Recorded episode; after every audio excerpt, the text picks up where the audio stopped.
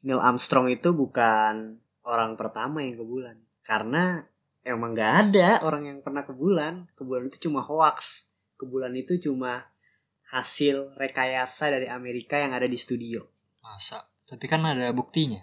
ya semua buktinya itu ya di studio Berarti Amerika bohong dong. iya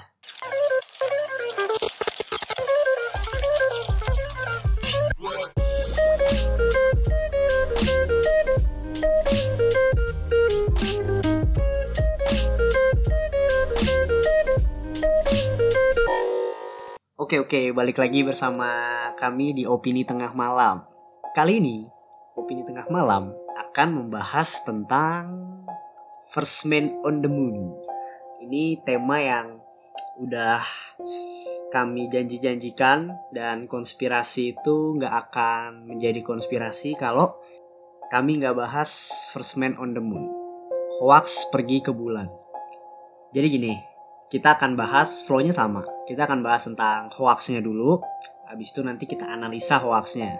Halo yang dengerin, balik lagi sebelum gue mulai. Open minded.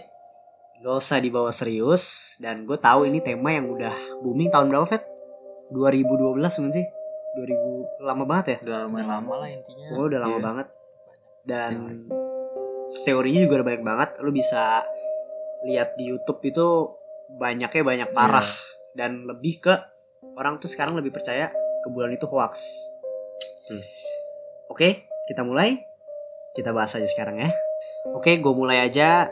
Jadi, pada Mei 1961, Presiden Kennedy uh, mengatakan di pidatonya, I believe that this nation should commit itself to achieve the goals before this decade is out of landing a man on the moon and returning him safely to the earth. Jadi artinya itu gimana Fet? artinya gue lupa. Pokoknya tuh intinya sebelum masuk ke tahun 70 bakalan ada manusia pertama yang mendarat di bulan. Intinya itu. Iya. Oke. Pada Juli 20 Juli 1969, Neil Armstrong berhasil mendaratkan kakinya di bulan. Dia menjadi manusia pertama yang menginjakan kakinya di bulan. Dan gua respect banget jadi kayak ada loh ternyata manusia yang ke bulan. Di misi Apollo 11. Ya, di misi A- Apollo 11. Nah, ini yang menjadi awal mula konspirasinya muncul. Pada tahun 1974, Bill Kaysing menerbitkan buku berjudul We Never Went to the Moon yang isinya mengatakan bahwa Amerika telah memalsukan pendaratan di bulan. Hasil investigasinya didasarkan pada kejanggalan yang ada pada rekaman dan foto-foto yang dirilis oleh NASA. Jadi Bill Kaysing Kay Kaysing ini penulis penulis buku di Jerman setahu gue di Jerman nah dia setelah perkat setelah dia menerbitkan buku itu terjadilah banyak teori-teori yang mengatakan bahwa nggak ada yang pernah ke bulan. Ke bulan itu hanya rekayasa. Mungkin kita mulai dari konspirasi ya. Pertama konspirasi Hmm. pertama yang menimbul yang lu juga pasti bakal banyak lah. Gue juga dari yang share di opini tengah malam itu di Instagramnya banyak juga orang yang nggak percaya pergi ke bulan. Dan gue nggak nyalahin. Salah satunya gue gue juga nggak percaya ke bulan itu bener. Oke kita bahas. Hoax pertama Hoax pertama tuh ada bendera yang berkibar. Kita kan sama-sama tahu nih kalau di bulan itu nggak apa nggak ada udara nggak ada udara Iya. ya ruang hampa udara. Tapi foto yang dirilis sama Amerika Serikat tuh benderanya kelihatan kayak berkibar. oke terus Terus fakta kedua tuh ada beberapa sumber cahaya.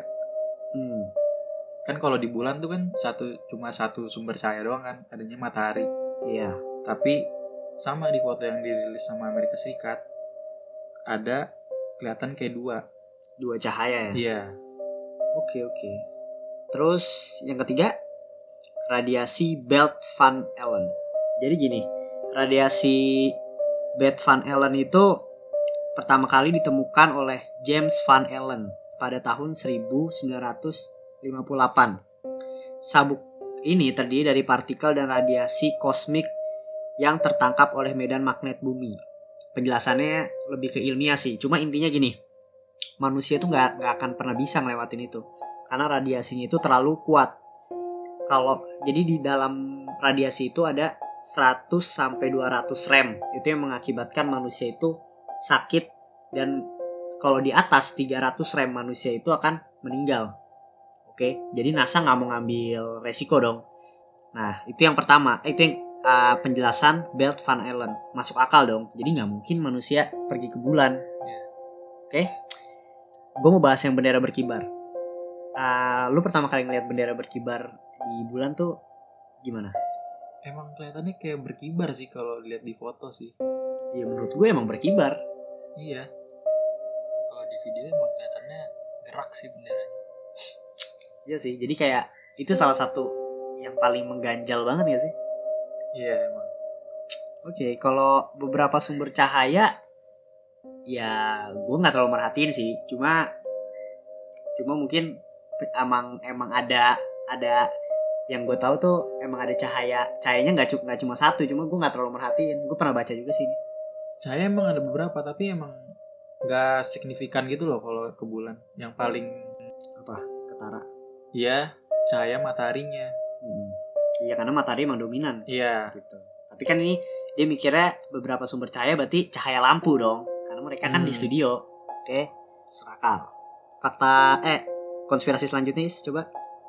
Selanjutnya ada bayangan misterius di helm astronot. Jadi di salah satu fotonya astronot ada refleksi dari helmnya gitu. Nah di di refleksi helmnya gitu ada kayak Lampu panggung. siluet lampu panggung studio gitulah pokoknya di helmnya Neil astronot Armstrong. siapa nih? apa Edwin ada dua dia dua dua kan Pokoknya di helm astronot itu ada- Salah. pantulan siluet lampu dah. Figurnya sih kelihatannya mirip lampu studio gitu. oke Lalu yang selanjutnya ada huruf C, jadi abjad C ada di salah satu batu yang ada di bulan. Nah ini jadi batunya itu seakan-akan eh, properti dari set studionya mereka syuting gitu. Terus yang selanjutnya itu ada ah, di bulan itu bintangnya nggak kelihatan di foto-foto yang bulan itu bintangnya jadi nggak kelihatan. Kan di apa luar angkasa kan bintang banyak kan tapi di dalam foto itu satu pun nggak ada yang kelihatan. Jadi eh, langitnya bener-bener cuma gelap doang. Oke gua tertarik banget nih sama yang bayangan misterius yang ada di helm astronot menurut gua ya emang sih itu nggak bisa nggak bisa kita langsung judge kalau itu properti dari studio karena emang terlalu burem gitu loh cuma kelihatannya emang kayak lampu Tapi gue ngeliat emang kayak lampu sih. Ada kayak cahayanya terus kayak Iya. Ya kelihatannya sih sekilas kayak lampu sekilas kayak lampu. Cuma itu masih terlalu burem dan gimana ya? Iya sih. lebih kayak noda itu atau cuma apa? pan- Iya, iya. Kayak pantulan. apakah itu kesalahannya mereka yang mereka nggak sadar? Lempar-lemparan debu ya seneng ya. Di Bukan bulan. maksudnya mereka nggak nyadar kalau eh, refleksi lampunya tuh kelihatan kamera gitu mungkin. Iya betul sih. Nah terus selanjutnya itu huruf C yang aneh di batu. Gue nggak terlalu perhatiin ini sih sebenarnya cuma Tapi emang C-nya tuh kelihatan perfect sih banget sih. kelihatan kayak Kayak dibuat Iya. sama orang. iya kayak digores aja gitu Iya. kan jadi C gitu. terus nggak ada bintang yang terlihat di bulan bener banget Aneh kita aja sih. dari bumi aja melihat Banyak. bintang itu banyak ya nggak sih jadi sekarang kan di bulan Iya, jaraknya lebih dekat. di lebih bulan. de- ya ya intinya lu lebih lihat luar angkasa lah Hmm. gitu loh tapi nggak ada bintang sama sekali oke makin makin percaya nih gue kayak kayak belum bener-bener nggak ada first man on the moon gitu loh next selanjutnya itu ada suara roket Apollo 11 itu diperkirakan uh, seri- 140 sampai 150 disable. Gimana caranya ketika eh kita bisa dengar suara astronot dengan jelas dengan keadaan bising dari suara uh, mesin Roket roketnya itu. Jadi suara 140 sampai 150 itu bising banget gak sih? Iya itu bising banget. Itu jadi kayak su- lu de- dengerin suara roket tempur mau lepas landas dari jarak 25 meter. Hmm. Sedangkan orang yang di dekat situ aja tuh pakai pakai penutup kuping gitu Iya, jadi maksud gue emang pas denger suaranya tuh clear. Emang ada bisingnya ada, cuma jelas sih maksud gue Iya. kayak kecil banget gitu loh. Iya sih, bener nggak masuk akal sih. Terus nextnya itu ada jejak kaki yang begitu sempurna. Jejak kaki dari Edwin, ya? Edwin. Aldrin. Iya, itu jejak kakinya sempurna banget. Menapak di bulan. Karena kan ya lu yang kita tahu juga bulan itu kan serpihan debu kan, kayak debu airnya. pasir yang ada air. Jadi kalau lu napak ya kayak ibaratnya di pasir lu nggak terlalu nyeplak banget sebenarnya kaki lu Iya. gitu. Tapi di foto lu bisa cari itu jelas banget. Oke, selanjutnya ada kawah yang diakibatkan oleh Apollo 11. Ini gimana nih? Jadi kan kalau apa tuh Apollo 11 itu kan mengeluarkan tenaga tuh 10.000 pound. Jadi tuh kalau dia kayak ngeluncur gitu pasti kan kayak ada api-apinya gitu dong. Oh, yang ngerti ngerti. Tapi di situ tuh kayak nggak ada jejak kayak gitu. Harusnya kan debunya berterbangan. Oh, Atau iya. kalau tenaganya kuat banget malah harusnya jadi kawah gitu loh. Oh jadi kayak lubang gitu Nah. ya. Oke, paham. Oke, jadi ini kita ngambil uh, hoax-hoax yang bener-bener terkenal gak sih? Yang bisa jadi bisa jadi nih hoax yang tadi kita sebutin tuh jadi kalau kita tanya orang kenapa sih lu nggak percaya orang ke bulan? Orang pasti ngejelasinnya hoax ini. Iya. Bener kan? Paling kita- kuat lah. hoax. Ya, ini hoax yang paling kuat. Sebenarnya masih banyak banget, tapi kita ngambil yang paling kuat. Ini yang menarik. Kita akan menganalisa hoax-hoax ini. Kita akan menurut memecahkan hoax-hoax ini. Jadi ah, kami bertiga akan memberikan teori penyangkalnya. Benar nggak? Betul. Teori yang ngebuat lu akan berpikir dua kali untuk percaya kalau pendaratan di bulan itu hanya studio. Gue baca ini langsung percaya sih kalau beneran ke, ke bulan itu. Iya. Oke, jujur pribadi, gue percaya. Gue percaya manusia itu ke bulan. Neil Armstrong itu ke bulan. Gimana is kalau tanggapan? gue gue juga percaya sih apa gue juga suka luar angkasa ya pasti gue percaya mereka berhasil ke bulan saat itu Oke, gue gue nggak nyalahin, gue nggak nyalahin lu pada yang percaya kalau mereka di- ini di studio doang. Ya itu opini lu gitu loh. Cuma gue gue percaya banget mereka ke bulan dan gue sejujurnya sebagai umat manusia juga bangga sama kecanggihan gitu. Dan sekarang tujuannya mau ke Mars, ya kan? Iya. Satu lagi, satu hoax lagi gue mau nambahin sedikit. Ada orang yang bilang ini tuh cuma bagian dari perang dinginnya Amerika dan Rusia. Jadi emang saat itu Amerika dan Rusia lagi eh Uni Soviet ya, Iya masih Uni Uni Soviet. Soviet namanya. itu perang dingin. Uni Soviet duluan yang pertama nerbangin manusia keluar angkasa, tapi nggak ke bulan ya, keluar angkasa. Nah, di sini Amerika nggak mau terlihat kalah. Nggak mau kalah nih. Iya, dia tuh mau jadi negara yang paling super power. Yang lo tahu juga sekarang dia kayak gitu kan. Oke, akhirnya dia memutuskan untuk menerbangin orang bukan keluar angkasa, tapi langsung ke bulan. Gitu nih. Jadi hanya bagian dari perang dingin Amerika dan Rusia. Gitu. Dan selanjutnya itu ada orang yang bilang, kenapa sekarang nggak pernah ke bulan? Kenapa misinya hanya sekali? Sedangkan teknologi sekarang udah canggih, malah mau ke Mars Hmm. ya kan? Nanti kita bahas di teori penyangkal. Yang pertama, bendera berkibar, bendera berkibar. Oke, jadi kalau lu perhatiin lagi, itu Amerika tahu, NASA itu tahu, di sana itu hampa udara. Gak mungkin bendera berkibar, oke? Jadi mereka itu ah, masang bendera dengan tongkat yang letter L, ngerti nggak? Letter L tuh jadi benderanya itu seolah-olah kelihatan berkibar padahal bentuknya itu L paham dan kalau di video itu terlihat berkibar karena saat Neil Armstrong ah, apa nusuk ya lagi Nancap. nancepin. nancepin bendera Amerika itu dia tuh tangannya muter maksudnya muter tuh untuk biar biar biar nancep gitu loh biar sama pakem kalau kita kayak mau nancepin sesuatu Iya. pasti kayak kita putar gitu iya kan. nah itu oke jadi benderanya otomatis berkibar Dan sebenarnya kalau di foto kalau lu liatin lebih jelas lagi di bagian atasnya tuh kayak jadi kayak hordeng gitu. iya iya karena, karena letter L itu. karena letter L Iya. Oke. Satu lagi, jadi ada ada foto pas si siapa namanya tadi Edwin? Bas Aldrin Ya, dia itu hormat ke bendera Amerika, terus dia turunin tangannya. Hmm. Benderanya itu nggak berkibar, tetap kayak gitu dari dia hormat sampai dia turun. Jadi emang gak ber emang emang itu letter L bukannya dia berkibar. kan Betul. apa di sana kan nggak ada udara jadi si nasanya emang udah nyiapin bendera itu biar kelihatan tegak gitu loh biar kita bisa ngeliat bendera Amerika dengan jelas jadi nggak harus diatur atur dulu karena nggak ada udara gitu Nah, lucu juga sih kalau udah sampai sana terus kayak Benderanya, loyo gitu. iya. Ntar disangkanya Malaysia gitu. terus gini, terus gini lagi. Ah, menurut lu gue mau nanya pendapat lu sih. Kalau seandainya apa namanya? dia di studio, ini salah satu kebodohan dia gak sih? Dia NASA, dia ilmuwan, dia tahu di sana tuh nggak ada udara dan dia di studio ngibarin bendera. Kan maksud gue kalau dia emang emang di studio, ini juga hal bodoh menurut gue sampai benderanya dibuat berkibar. Iya sih. Itu udah nggak detail kecil Iya, gitu detail- mereka harus iya, hal- sih. udah tau lah gitu Iya. itu hal yang hal yang hal yang pasti dia tahu. Kedua, beberapa sumber cahaya. Oke, jadi ah, sumber cahaya itu yang kalau lu bisa lihat kan ada yang bilang apa namanya bayangan. Bayangannya itu nggak nggak sesuai sama arah matahari. Jadi gini, di sini ada penjelasannya juga.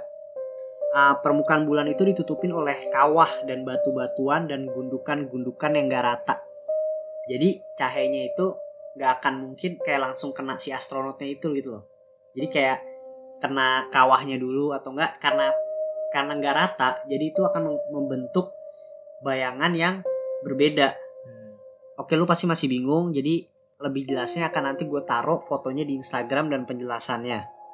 Dan ada orang juga yang di bumi foto kayu, jajaran kayu di foto dan jajaran kayu itu pun bayangannya beda-beda sumber Karena- cahayanya kan matahari karena sumber cahayanya tapi em, bayangannya itu jadi punya apa tadi titik titik bayangannya Titik jadi jatuhnya. titik ya titik jatuhnya Jatuh tuh beda-beda hmm, mereka cast shadow-nya tuh jadi ada yang ke arah sini ada yang ke arah sini tapi di bumi juga terbukti emang kayak gitu juga kan kena cahaya matahari iya, Karena permukaannya nggak rata gitu kan. ya pokoknya ya kurang lebih kayak gitu. Hmm. Jadi nanti gua akan tunjukin sih biar lu mungkin lu yang denger ini langsung buka Instagramnya bisa lu cek sekarang karena udah gua post juga di sana. dan juga apa uh, ukuran bumi dan bulan kan beda ya Ya, jelas beda. sama apa posisinya dari matahari juga beda jadi bayangan-bayangan di situ mungkin emang kita juga kurang familiar sama bayangan yang ada di bulan gitu Oke, nextnya ya radiasi Belt Van Allen. NASA ini tahu, Nas ini benar radiasinya benar ada dan itu mengakibatkan emang bahaya untuk astronot. Oke, jadi NASA itu udah memperkirakan. Jadi ibarat tuh radiasinya ada dan kalau astronot masuk itu akan mengakibatkan sakit atau bisa lebih parahnya itu kematian. Jadi NASA itu lewat bawah. Ibaratnya Hmm. tuh kayak gimana jelasin ya? Pokoknya dia lewat bawah, lewatin bawah radiasinya. Iya, ngitarin tapi lewat bawah. Iya, kan. lewat bawah. Ya emang rada jauh ibaratnya gitulah. Tapi mereka tuh nggak ah, kena radiasi tapi cuma satu rem. Itu hanya nyebabin pusing. Lebih tepatnya. Nggak Jadi aman. ya. Iya, nggak berbahaya. NASA udah tahu gitu. Jadi nggak mungkin dia kayak nerobos. Pokoknya dia udah memperkirakan ini Iya. secara detail lah gitu. Apalagi gara-gara Apollo 13 kan udah gagal tuh mungkin dia tambah tahu kan ya. Enggak dong. Pak, ini kan Sebelas. ini masih 11. ini 11. Oh 13 tuh 13 setelahnya. Oke, nanti itu Oh. kita kita bahas. Oke. Yang kedua itu bayangan misteri misterius di helm astronot. Nah, ini menurut gue sedikit ganjal sih. Ini nggak nggak bisa dibilang bukti hoax yang gara-gara ini nggak ada yang ke bulan. Menurut gue itu hanya noda sih. bisa aja bisa itu sih. cuma noda atau kotoran gitu Iya, karena lupa kan- dibersihin atau gimana Ya, ya mungkin lupa dibersihin atau atau kan bulan itu kan katanya debu kan. Hmm. Pasti kan ya nyantol-nyantol atau gimana kan kita nggak tahu kan. Atau mungkin kameranya yang moto atau atau astronotnya tangannya kena ke kepala Iya. gitu Nah. bisa Pas dia lagi ngambilin batu gitu. Ya ini nggak kuat sih menurut gua. Bisa dilawan dengan nalar sih ya. Logika ya. oke terus nggak ada bintang yang terlihat di bulan. Jadi gini pada foto pendaratan di bulan nih tidak terlihat bintang-bintang di langit yang menunjukkan orang bilang ke bulan itu palsu fotonya itu palsu. Per- pertanyaan ini paling mudah dijawab sih. Pertama para astronot itu tidak ke bulan untuk mengambil foto bintang-bintang. Masuk akal Dan kedua, kamera ini disetel dengan exposure yang pendek untuk menghindari gambar-gambar yang overexpose. Permukaan bulan yang terang juga mengharuskan kamera disetel seperti itu. Dengan setelan seperti itu, bintang-bintang tidak akan dapat tertangkap oleh kamera, namun permukaan bulan akan tertangkap dengan jelas. Jadi ini lebih tepatnya ke teknis sih. Kalau menurut gue pribadi, karena kalau seandainya ada bintang, itu akan malah ngebuat fotonya itu kurang bagus dan permukaan bulan itu kurang jelas. Karena kan tujuannya dia itu untuk foto bulan, bukan foto bintang. Iya dia juga mau eksplor bulan kan, bukan kayak mau eksplor luar angkasa gitu. Iya benar. Jadi intinya permukaan bulan itu eh, reflektif sama cahaya matahari. Jadi permukaannya tuh terang banget. Nah di kamera kalau exposure-nya tinggi jadi eh, hasilnya tuh jadi terang banget. Jadi silau gitu loh. Jadi ntar astronotnya bisa nggak kelihatan, permukaan bulannya juga jadi nggak jelas. Nah untuk eh, biar hasilnya jadi kelihatan enak di mata, exposure-nya harus diatur. Nah akibatnya si bintang itu jadi nggak kelihatan kamera. Yang padahalnya kalau di di dilihat dengan mata mungkin bintang itu kelihatan, tapi karena itu ditangkap pakai kamera, jadi korbannya bintangnya hilang semua gara-gara exposure itu. Oke, ini yang selanjutnya itu ada cahaya refleks cahaya yang apa? Yang lu bilang tuh kalau misalnya kan dibilang ah, cahayanya itu hanya dari studio. Sedangkan di era itu Ya, di era itu buat cahaya bikin cahaya sebanyak itu tuh nggak bisa, harus butuh laser. harus butuh laser. Nah, sedangkan laser pada tahun 1960 itu cuma ada warna merah. Oke, jadi ibaratnya intinya belum bisa di era itu nyiptain cahaya yang Seba sebesar sebesar itu Nah, gitu. Oke kan karena itu kan di bulan itu cahayanya kan cahaya matahari kan emang terang Iya, banget dong. Terus bulannya juga reflektif kan. Jadi semuanya jadi kayak cahayanya natural banget dari apa? Itu bulannya apa? Tanah bulannya lah intinya. Oke. Terus ada suara roket yang tadi dibilang suara roketnya itu keras banget dan harusnya suara roketnya itu bisa dominan dibanding suara astronot yang ada di sana. Oke. Ini menurut gua, menurut gua ini ini tuh ibaratnya klip yang untuk suara dia komunikasi itu di dalam di dalam baju astronotnya dan baju astronotnya kan nggak mungkin ada celah dan pasti itu kedap banget kan dan menurut gue dari dari dengar suara komunikasi sama astronotnya itu masih ada suara bising sih suara bising yang menurut gue cukup keras dan kalau seandainya di dalam baju di dalam baju astronotnya kan pasti dekat sama mulut dong ya pasti Hmm. kedengeran sih menurut gue juga bahan baku yang buat bikin Apollo 11 itu juga udah dipilih dari yang terbaik kali. Jadi kayak Iya. kedap suara gitu kan. iya benar Dia udah perkirakan lah kayak kalau buat komunikasi nggak jelas nanti gimana gitu. Mereka pasti udah ngetes lah.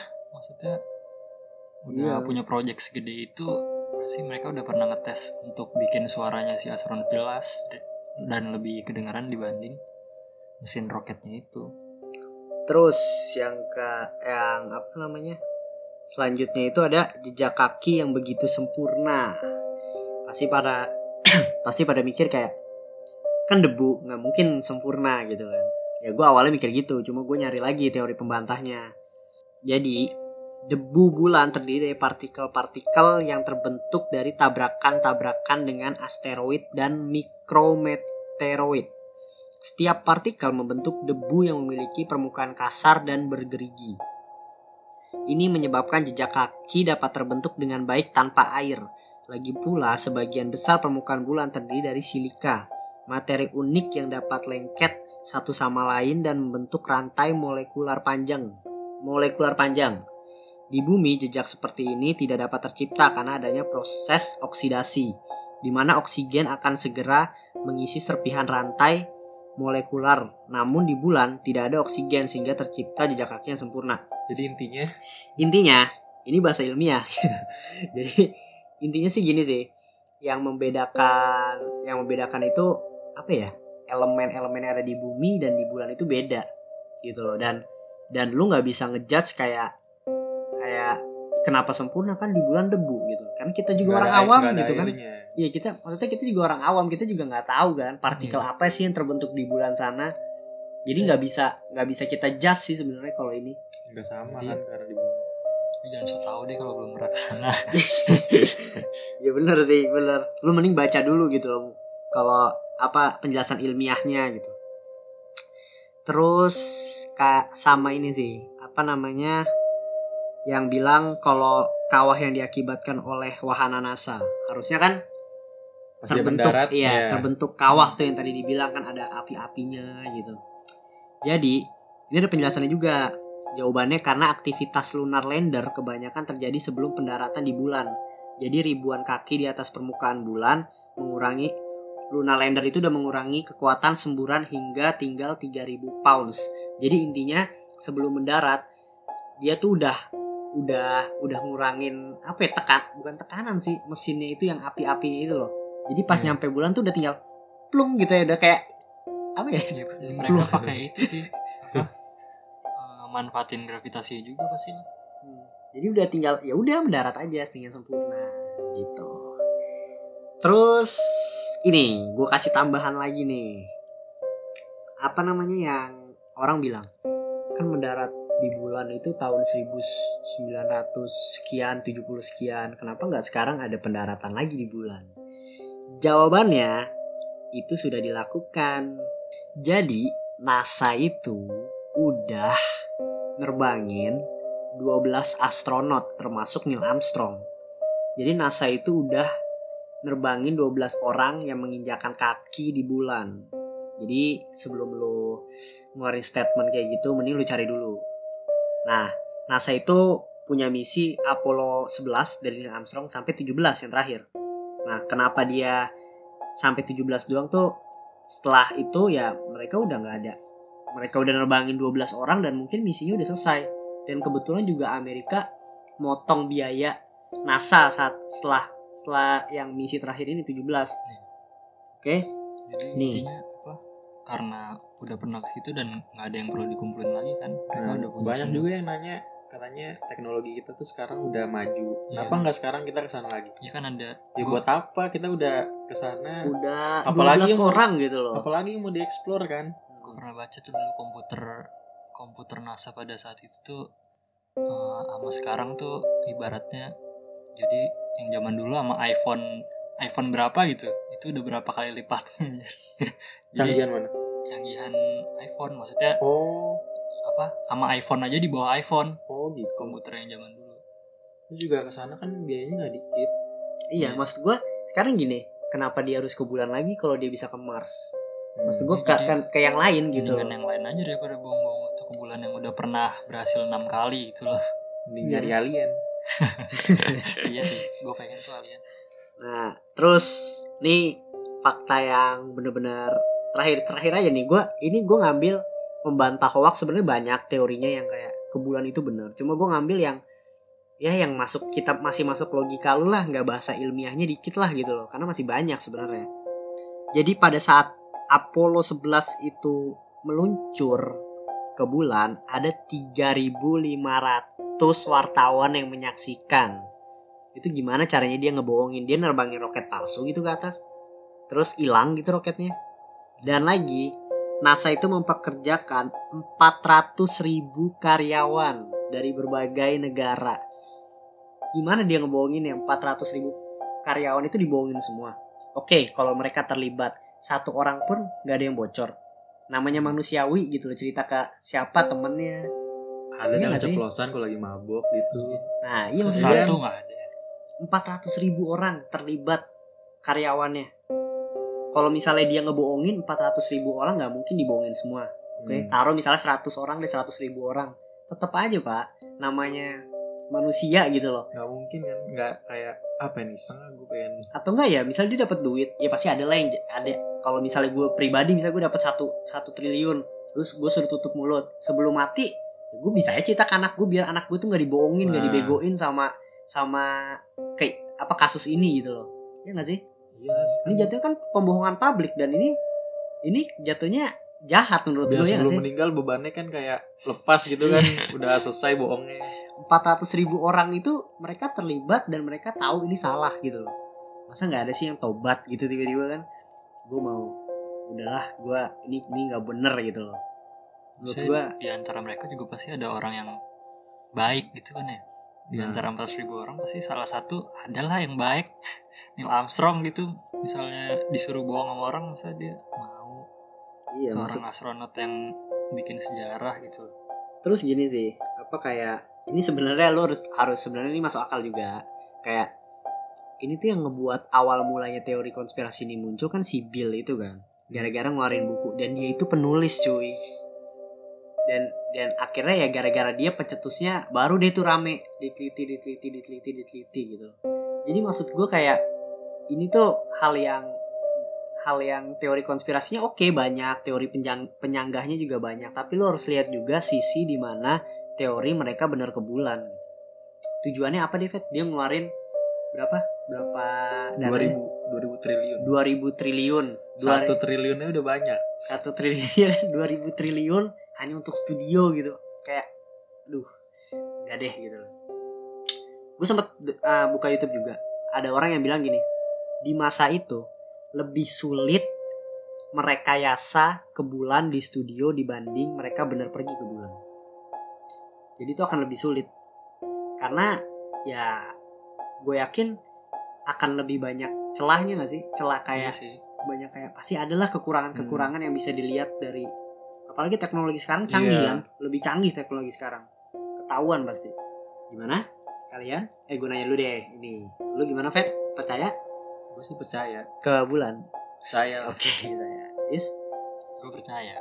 Eh, karena apa ya? Ya itu sih tadi udah paling jelas yang eh, berapa orang masa harus bohong. Salah satu pasti ada yang ada yang keceplosan lah intinya. Terus misalnya eh, apa? Ada satu orang yang pengen jadi astronot mimpinya. Terus tiba-tiba dihancurin sama kebohongan NASA. Masa dia nggak kecewa sama sekali dan nggak eh, bilang itu ke publik? Itu sih. Terus Apollo itu kan juga eh, nggak cuma yang nomor 11 itu diluncurin langsung berhasil kan? Nggak ada Apollo 1 Kemu- terus itu itu juga gagal. Apollo 1 mesinnya kebakar. Terus langsung lanjut ke 7, 8, 9 dan 10 dan mereka itu udah ngelakuin itu dari lama nggak langsung berhasil gitu loh. Semua ada ada prosesnya dulu kegagalannya juga. Itu sih oke kalau gue pribadi gue percaya banget mereka ke bulan. Karena selain itu kayak uh, dengan teknologi yang sekarang dan gue suka aja kayak ternyata ada loh umat manusia yang bisa ke bulan dan sekarang mau ke Mars dan itu menurut gue kemajuan banget gitu. Gue percaya banget dan menurut gue kalian yang misalnya nggak percaya nggak salah. Itu nggak salah itu opini kalian dan dan masuk akal sih. Sebenarnya teori-teori konspirasi itu masuk akal tapi alangkah baiknya lu pada research dulu teori yang bener ke bulan. Awalnya gue nggak percaya kok ke bulan. Sampai sekarang setelah gue mau buat ini gue research berjam-jam akhirnya ini gue percaya. Jadi gimana pendapat kalian? Apa kalian masih percaya? Dan kalau kalian percaya atau nggak percaya bisa komen di nanti di posan Instagram opini tengah malam. Gue akan nanya sih sebenarnya lu pada percaya nggak sih setelah dengerin oke sebelum gue tutup podcast ini gue mau kasih tahu opini tengah malam ada Instagramnya lagi ya udah iya udah ya cuma udah kalau lah, biar makin banyak followers Iya. Itu tempat di mana media kami untuk promosi dan mendengarkan saran-saran kalian. Oh iya satu lagi. Ini gua ngambil tema ke bulan, salah satunya rekomendasi dari temen gua namanya Joshua. Dia berapa kali nyuruh ke bulan dong, ke bulan. Maksudnya bahas ke bulan dong gitu ya. Jadi oke gue bahas. Selanjutnya kami akan bahas tentang Elisa Lam. Ini konspirasi yang horor aneh dan aneh. Oke, segini aja podcast dari kami. Tung dengerin terus opini tengah malam dan follow di Spotify dan Instagram. Oke, bye. bye